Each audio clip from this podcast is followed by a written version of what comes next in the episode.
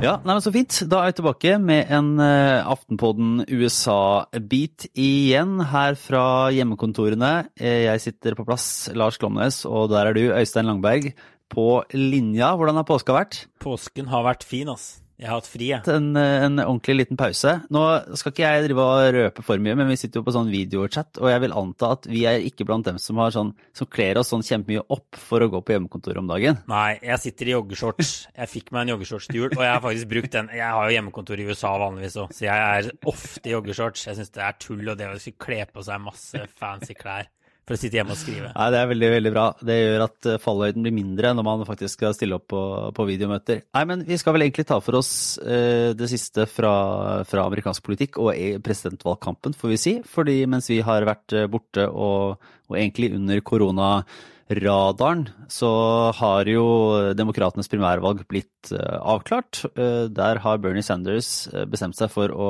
kaste inn håndkle. Joe Biden blir demokratenes presidentkandidat, som det i grunn så ut i høsten som var. Og som det så ut i fjor vår, egentlig.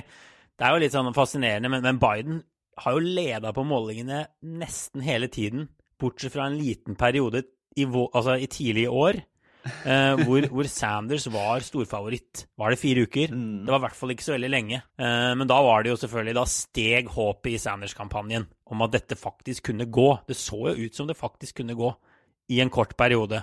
Og så ble det ikke sånn. For, for en utrolig sånn berg-og-dal-bane-periode for Bernie Sanders, der han eh, Altså, han var jo slått ut med et hjerteinfarkt ja. for uh, bare få måneder siden kom tilbake, fikk støtte, kjempa seg opp helt til toppen. Ja. Lå, an, eh, lå best an på målingene og, og styrte på. Og så kom den supertirsdagen der Joe Biden plutselig ramla inn med den ene seieren etter den andre etter først å ha sett helt, helt håpløs ut. Det var ganske tøft for, for Sanders, som har, som har kjempa et liv da, for å komme liksom eh, opp og fram og på innsida og stort sett stått helt aleine.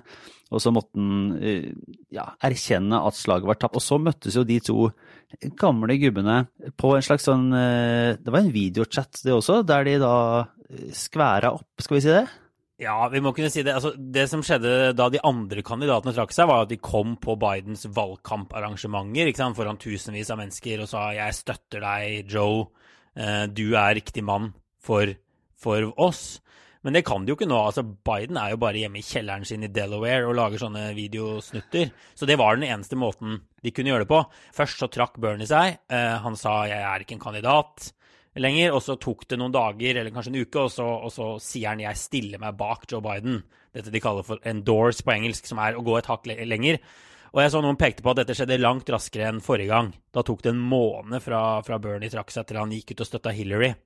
Så det er tydelig at de nå er opptatt av å få denne samlingen i partiet etter en sånn opprivende prosess som det jo har vært. Mm. Ja, det vil jo få mye å si også for etter jeg forstår, på, på innsamling av penger, på, på måte, mulighetene for å, for å, fortsette å skape engasjement, at ting ikke skal surne. Ja. Eh, fordi Joe Biden, selv om han har gjort veldig mye, så synes han er ikke noe spesielt god som pengeinnsamler. Nei. Altså, han har, ikke, han har ikke hatt noen sånn kjempestor valgkampkasse. Nei. Og det var vel snakk om at han egentlig på denne supertirsdagen, da det begynte å gå bra, så var han, hvis han ikke hadde truffet da, så var han i praksis blakk Altså, da, det var liksom, alle pengene han hadde, og det har jo en del å si. Ja, Han har vært en sånn merkelig blanding av storfavoritt, partielitenes parti, på en måte favoritt, og underdog. Han har ikke hatt noen penger. Han hadde jo nesten ikke noen folk på bakken i mange av de statene han vant på supertirsdagen.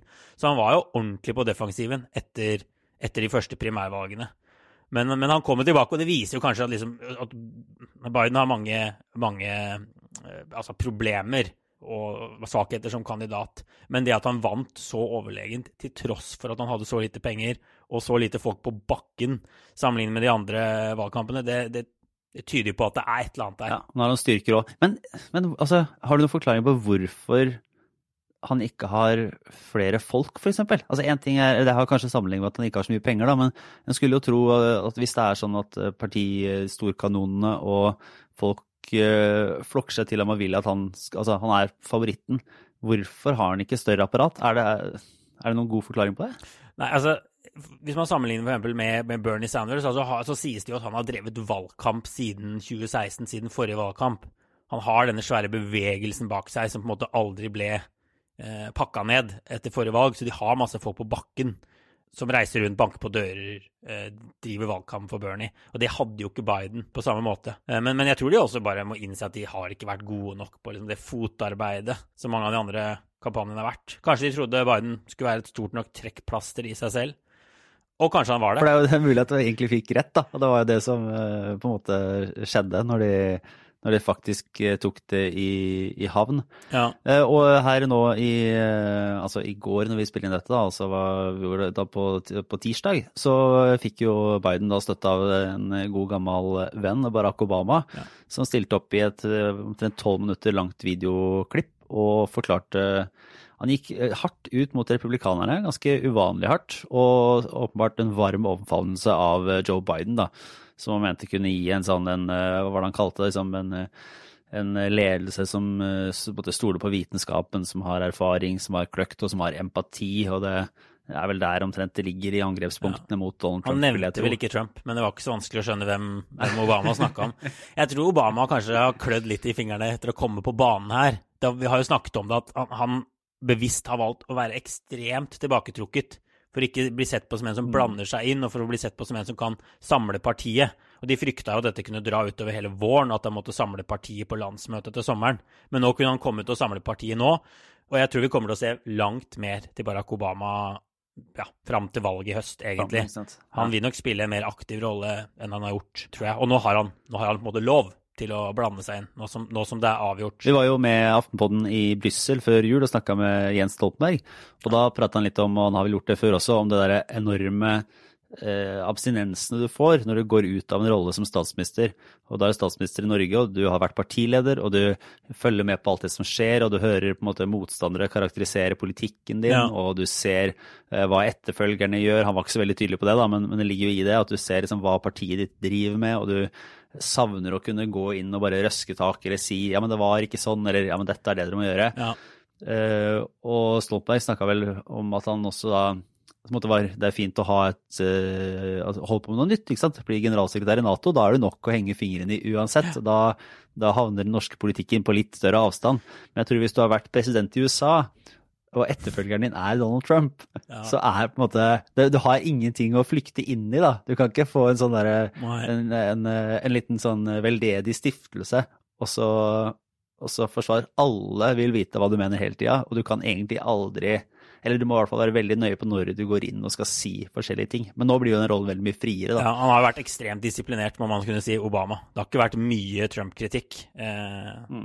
Men ja, det er ikke så lett å holde seg på matta. Vi hadde jo en fin kommentar om, om Stoltenberg I-regjeringen på trykk i Aftenposten her om dagen. Og da, var det, da jeg sjekka, var det to eh, kommentarer under artikkelen. Og Det ene var en person jeg ikke vet hvem er, og det andre var Kjell Magne Bondevik, som hadde vært inne og kommentert eh, Stoltenberg 1, gasskraftsaken, og jeg har fått bekrefta at det er faktisk Kjell Magne Bondevik som kommenterte. Så det, så det, er flere som kjenner seg igjen i den. Åh, oh, Det er så bra. Det er så blanding av sånn Det var helt av, saklig bra eh, kommentar, da. Ja, ja, ja. ja. Men, det, men det, er liksom, det er fortsatt sånn Det er fortsatt veldig smått, da. Hvis du, på en måte, hvis du er, har vært statsminister og det er en opphøyd rolle og du er, sitter på toppen der, og du må på en måte innfinne deg med at det du har gjort, kommer til å bli debattert i evigheter, og mange kommer ikke til å like det. Så da, da er det fortsatt litt sånn smått å eh, gå inn i kommentarfelt og forsvare politikken sin. Samtidig så er det noe veldig, veldig fint og litt sånn norsk i at Uh, dette er ikke større forhold enn at uh, denne forrige statsministeren som blir omtalt, går inn og sier nei, hør nå her, uh, nå skal dere ikke glemme at Bla, bla, bla. Skal ikke se bort altså, fra at eh, Stoltenberg satt i Brussel og klødde etter å svare Bondevik i kommentarfeltet. Men det var sikkert noen rådgivere som fikk eh, snakka han ut av det. Men, men, vi bør kanskje snakke litt om altså, hva som gikk galt for Bernie Sanders, da. Eh, for det er liksom kommet mange analyser av nå. Det så jo veldig lyst ut. Og det så ut som de var på vei mot seier. Og det er en del som peker på at, at han burde benytte anledningen til å liksom rekke ut en hånd til andre deler av partiet da han kunne og prøve å gjøre koalisjonen mm. sin bredere, kanskje moderere seg litt, uten liksom å slutte å være Bernie Sanders. Og det gjorde han ikke. Jeg husker han fortsatte å lange ut mot dette democratic establishment, selv da han var favoritt. Veldig sånn få mm. forsonende tegn. Og det er noe som peker på at er en grunn til at han aldri klarte å liksom få det halvparten av partiet da, som han kanskje trengte bak seg. Det sies vel at han, han gambla, eller det var i hvert fall en tidlig strategi, og det har de vel vært offentlig med noe av, av strategene, at, de regna med at de hadde en så sterk base. altså De hadde en sånn Jeg vet ikke om det var De trodde det kunne være en sånn opp 35 kanskje, eh, noe i det området, som ville støtte Bernie Sanders. Og i et stort felt så ville det egentlig være, være nok. Ja. For da da, sånn som det så ut lenge, så var det jo spist opp av en uh, Buttigieg her og en Klobuchar og en Warren og, og, de forskjellige som lå der. Og, men, men, det korthuset raste jo sammen da når, når Joe Biden uh, klarte å få støtten til alle disse andre, og da var det kanskje ikke så mye å, å hente når, eh, når, Sanders ikke hadde prøvd å, å, vinne over andre grupper. Nei, det var litt den samme måten Donald Trump vant uh, republikanernes eh, primærvalg ja. på. Mm. At du har en, en, en, base. Du har aldri 50% på en måte, men du har en solid base, og så splittes velgerne mellom alle de andre kandidatene. Og i Det demokratiske partiet var jo da kandidatene på moderat side, da, hvor det var en haug med folk som kjempa om de samme velgerne. Og da kunne, hvis, hvis, dette ikke, hvis, dette ikke, hadde skjedd, at alle disse plutselig trakk seg, så kunne man sett for seg at Bernie vant. Selv om velgerlandskapet mm. hadde sett likt ut som det gjorde nå. Eh, men, men, det skjedde noe der plutselig, da, hvor, hvor, alle, hvor, alle, trakk seg. Og da viste det seg jo at, eh, at det var en voldsom vilje blant velgerne til å samle sammen moderat kandidat enn det som ble sett på som en valgbar eh, kandidat. Og så mm. sies det at, at de feilberegna støtten litt, altså Bernie Sanders-kampanjen. De, de, slo jo f.eks. Eh, Hillary Clinton i staten Michigan forrige gang, eh, ved forrige valg. Eh, da, da, det bare var de to, eh, Bernie og Hillary. Og også denne gangen var det jo bare to kandidater da de kom til Michigan. Nå var det Biden og Sanders.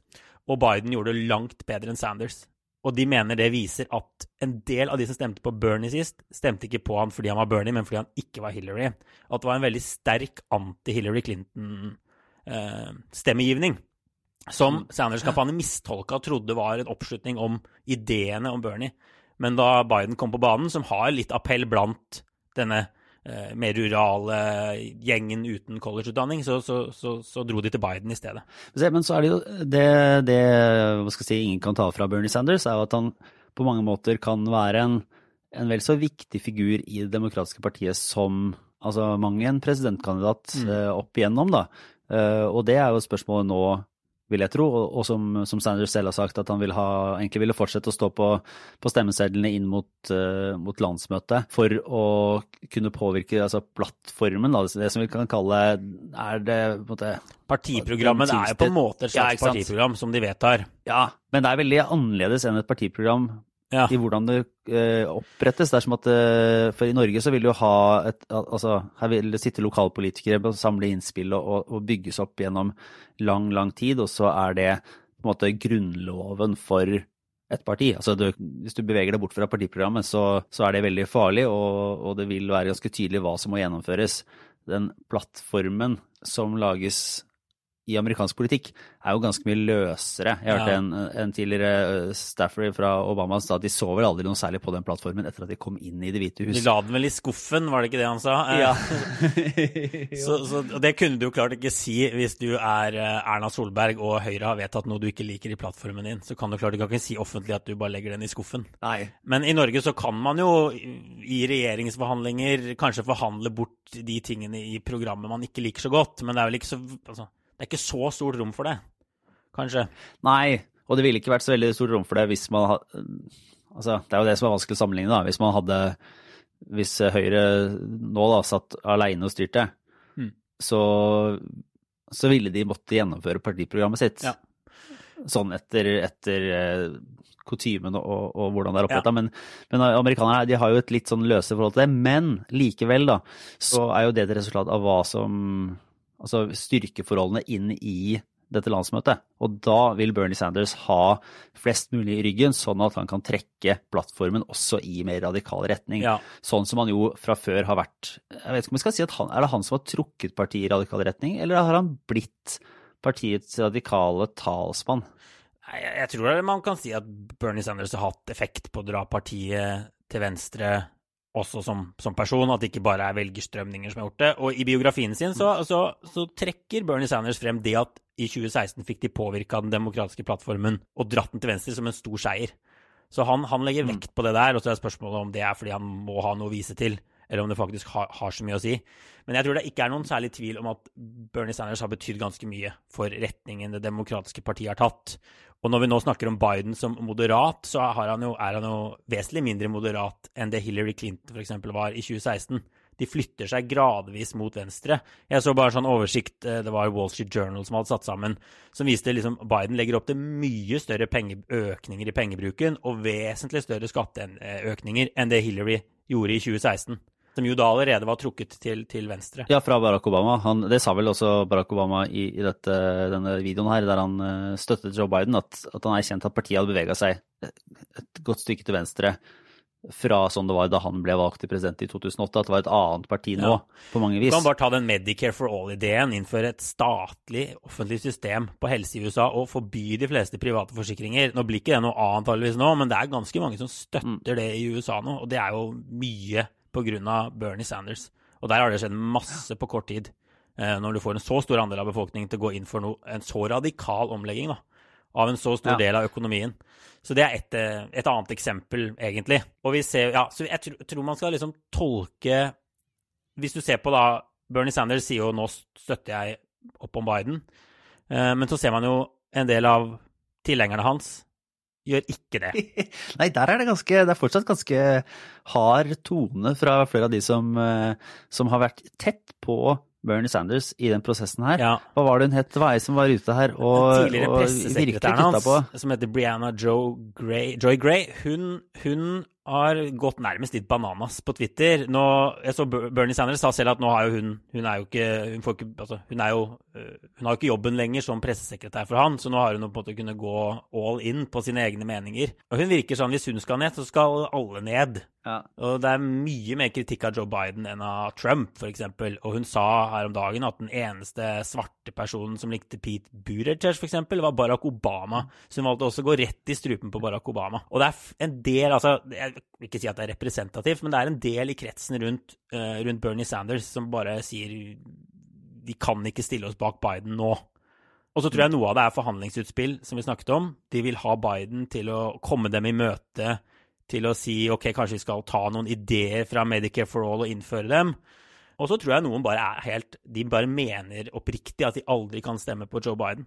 Jeg var jo i, i Bernie Sanders hjemby Burlington på, for noen måneder siden. Det var jo da det så ut som Bernie kunne vinne hele greia. Mm. Og da møtte jeg folk som sier liksom Trump og Biden er like ille. Jeg kan ikke stemme på noen av dem. For det her tenker vi at Det demokratiske partiet er gitt sin tenk norsk eh, så, så, er det fra de ytterste høyre i Arbeiderpartiet til eh, Og så har de på en måte tatt i seg eh, Rødt, da, mest radikale delen av Rødt, ja.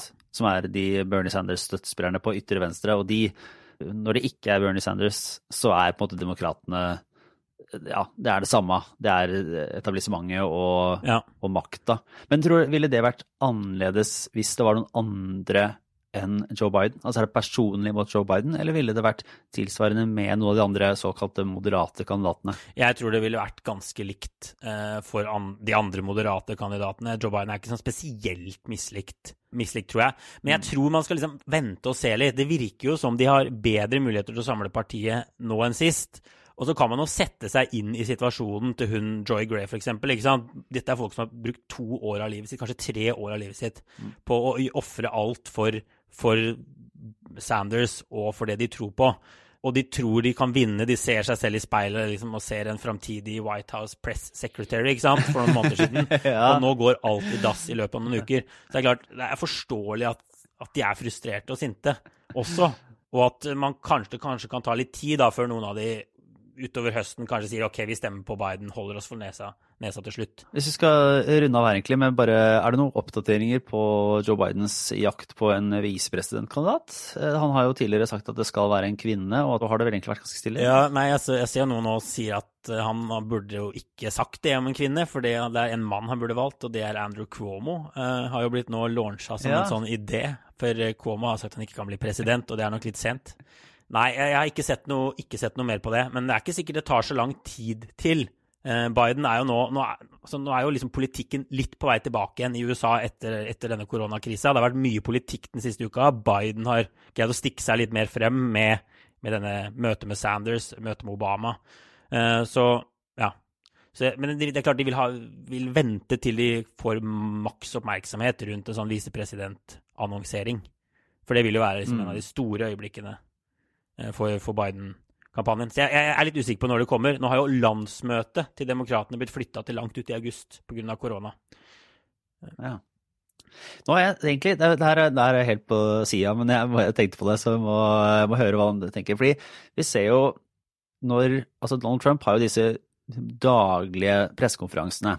Som eh, her det var en som var, den, som var, til, var en rekordlang, som var over to, nesten to og en halv time. Ja.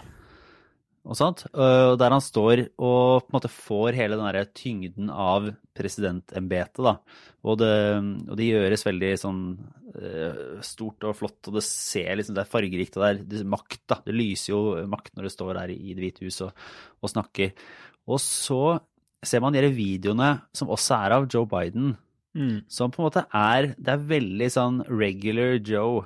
Uh, Nedi en eller annen sånn der bunkeraktig setting. Ja. Men her egentlig så er jo dette altså Der hvor pressekonferansene er i Det hvite hus, er jo et bitte lite rom. Mm. Altså det, er jo, det er jo ikke akkurat noe kott, men det er jo ikke sånn at du Hvis du hadde zooma ut, da, så hadde det ikke vært sånn Det er ikke superfancy.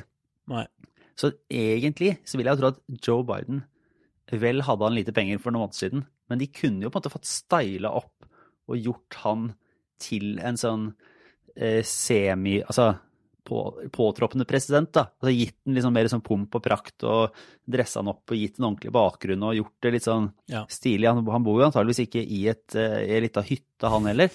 Tror du det er, er, det, er det Ville det vært uh, uhørt? Uh, dumt? Eller er det, er det som er positivt? At han ser ut som som en sånn uh, bestefar fra landet? Jeg tror de har tatt de lavthengende fruktene først. De har i hvert fall fått bedre farge på han enn han hadde i starten, og bedre lyd og elendig lyd også i starten på de sendingene fra den kjelleren her. Så det er jo bare helt sånn utrolig dårlig uh, amatørmessig. Men, men, ja, kanskje. Og, men jeg tror de sliter veldig med å finne ut hvordan skal de få Biden på trykk på skjerm uh, i denne tiden, hvor Trump og koronaviruset er, er så dominerende. Og de har testet litt sammen med en podkast det sies jo at Biden er ikke så god til å holde tale. Han er bedre sånn én til én, eh, vise empati, møte folk.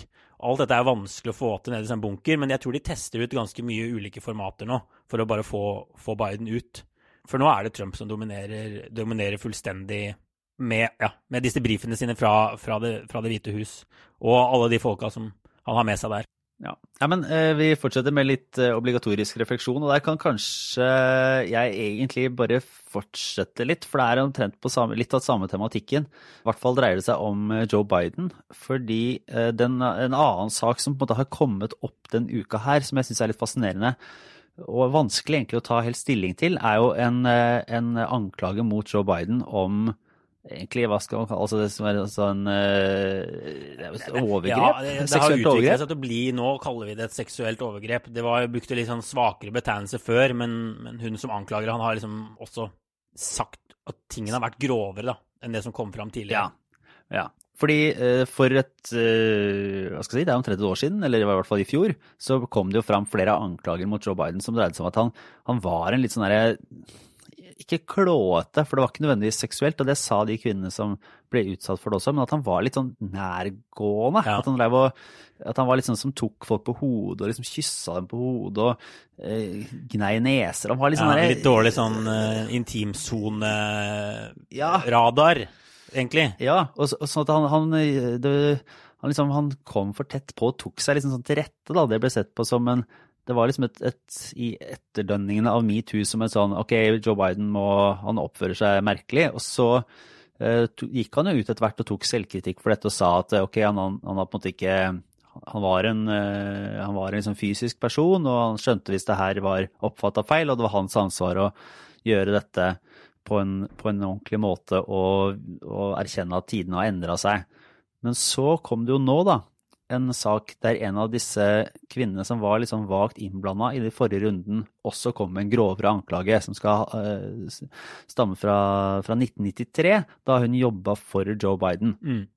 Og saken er en sånn klassisk foreløpig uh, han sier, hun sier-sak. Uh, der han avviser dette på det sterkeste, og hun forklarer seg da med med navn og, og, i det hele tatt, og, og stiller opp og, og, snakker om det her. Og da blir det jo en vrien situasjon for særlig demokratene, og det er det jeg kanskje syns er mest fascinerende å følge med på. Det er veldig vanskelig å skulle si at uh, dette må ha skjedd, eller hvem hun skal tro mest på, eller altså det hele den biten her er ganske vrien. Men for særlig demokratene, som har gått knallhardt ut nå i uh, flere år på at man skal tro på kvinner som melder fra om overgrep, man skal eh, ta det liksom, for gitt at de snakker sant. De hadde en hard prosess mot eh, Brett Kavanaugh, som ble utnevnt til Høyesterett, eh, basert på en anklage fra, fra en kvinne fra 30 drøyt år siden. Hvordan er de nå skal håndtere dette mot en presidentkandidat? Mm. I de fleste tilfeller, eller mange tilfeller, så vil jo refleksen fra disse demokratene være vedkommende må trekke seg, komme seg ut. Ja. Dette er alvorlige ting. Søker et alvorlig verv. Sånn kan vi ikke ha det. Dette må, dette må avsluttes. Men det er jo ikke så lett når det faktisk er en presidentkandidat. Og da begynner, liksom, da begynner de dilemmaene å komme mer, og man hører hvordan argumentene vrir seg litt. Og det er ikke så fryktelig, fryktelig, lett. Nei, det er ikke det. Og det er heller ikke så lett for mediene, mainstream media, som jo vi er en del av. Dette er jo noe som har vært omtalt mye i, på altså høyre, høyresidemedier, da. Eh, langt ut på høyresiden. Og så har de sagt hvorfor skriver ikke mainstream media om det her. Og så er det også en del av Sanders-gjengen som har vært opptatt av disse anklagene mot Biden og pusha de ganske hardt. Men nå har jo New York Times og de store avisene i USA gått inn i det. For, for de, de, setter jo også dem i en vanskelig situasjon. ikke sant? Var med på å grave opp uh, metoo. Hva gjør de nå, når det er en av deres egne, så å si, på liberal mm. side? Og, og, New York Times har jo konkludert med å ringt mye, masse kilder rundt, rundt, Biden og konkludert med at de liksom finner ingen sånn systematisk eh, mønster hvor masse, andre damer har opplevd lignende ting. Det er denne ene hendelsen. Um, så er det et spørsmål om hva hun har fortalt. Hun har endra litt på historien sin. Så de så litt tvil om det, egentlig. Ja, det er veldig vanskelig. For, når de går inn i det, så og jeg hørte den episoden av, uh, som er interessant, og det er, det er, sterkt å lytte til. Altså, jeg kan anbefale den episoden av The Daily, der uh, hun blir Tara Reed, er det ikke det hun heter? Ble, blir intervjua, og hun snakker jo godt for seg. Og, og, det er Altså, det er vanskelig, fordi New York Times går jo åpenbart inn fordi de ser at ok, vi må gå inn etter å kunne fortelle våre lesere hva vi har funnet ut. Og de blir på en måte et slags sånn sannhetsvitne på et vis. da. Mm. Men i en sånn sak så kan man jo ikke nødvendigvis finne en fasit. Og dermed så ender de opp med å si på den ene siden så har vi ikke funnet noen eh, beviser for at dette har skjedd. Vi har snakket med mange andre. De det er ingen andre som har, uh, har den, de erfaringene. Og så sier de men hun har altså hun hadde vel også fortalt om dette, eller i hvert fall deler av denne historien, til andre folk på det tidspunktet. Det har jo ofte vært en, en sånn knagg å henge dette på og sett på som et form for bevis. Så det går jo ikke noe helt videre, selv om Nei. de har gått inn i det. Nei. Selv om det vel kan sies at det er vel per nå lite som tyder på at Joe Biden er Harvey Weinstein, da. Der det ramla ut et skjelett Nei, ikke sant. Det, det, er jo det New York Times sikkert Da ville jo de konkludert helt annerledes hvis de f.eks. fikk en dame som ikke har vært ute, til å liksom snakker med New York Times, da de ringer henne, så kommer det frem at det er flere som har opplevd sånne ting. Som, de, de, vil ha mye kredibilitet hvis de da liksom har valgt å ikke si noe før New York Times ringer og følger. Så det blir interessant å se. Uh, men per nå så, så, ser det ut som dette er mer et enkeltstående tilfelle. Men altså, vi er jo en valgkamp uh, utover høsten. Det kan sikkert bli mye mye forskjellig. Og det er det jo i amerikanske valgkamper òg. Det er vanskelig å si hva som er ekte og ikke, og hva som er motivasjonene til folk og ikke.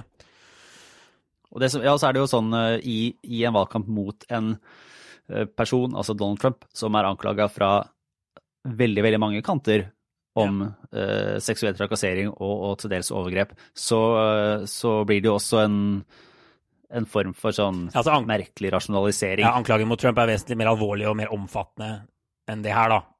Og de har jo også ja. Trump selvfølgelig på teip som sier svært nedsettende ting om damer. Ja, men, jo, men, du merker det med en gang, da, for det er jo fra det øyeblikket det går til at den ene er anklaga for seksuell, seksuell, trakassering, og den andre er det ikke, til begge er anklaget for seksuell trakassering, så har du på en måte eh, skapt et, et sånn, et sånn Det er liksom det de kaller sånn both side system, da, eller hva. Mm. Altså, det er jo det, det, blir litt mer likestilt i anklagene uansett. Og da, da blir det spørsmål hvor prinsipielle man skal være. Ja, det er litt av Hillary Clinton-dynamikken. ikke sant? De fikk noen av de tingene hun hadde gjort, til å også fremstå som like korrupt som noen av de tingene Trump hadde gjort, og så var begge like ille. også. og så er det på en måte Ja, så det er noe som helt sikkert kommer til å bli brukt ja. eh, mot Men det er jo eh, Ja, men det er jo i Den demokratiske partiets nylige måte, tradisjon og hva skal man kalle det, altså presedens, så er det jo at, uh, at noen sånne ting er på huet og ræva ut. De har, det, er veldig mange som vil mene, det er veldig mange som vil mene at vi kan ikke begynne å, liksom, å, å, å, akseptere noe fordi Donald Trump er verre, eller vi kan ikke begynne å lempe på de prinsippene. Så det, det, hvis det ikke kommer noe som Hvis dette fortsetter å blomstre, eller denne saken fortsetter å leve, eh, og det er det mange som kan ha interesse av, så blir det nok vanskelig for Biden Eh, etter hvert. Selv om det kanskje ikke er helt uh, drepende. Nei, det blir veldig interessant å se. Skal vi se, og Du Øystein, har du en uh, liten obligatorisk refleksjon før vi ja, avslutter her i dag? Jeg har en liten podkastanbefaling uh, som er Campaign HQ altså Campaign Headquarters, eh, med David Pluff, som er en tidligere Obama-rådgiver, som lager Jeg tror det er ukentlige programmer. Og i det, det siste programmet hans så intervjuer han en som heter Jim Messina, som var eh, valgkampsjef for Obama i 2012. En kampanje som har fått ganske mye skryt. Og der går det rett og slett gjennom hva er Trumps fordeler inn i høstens valgkamp. Uh, og hva er Trumps ulemper?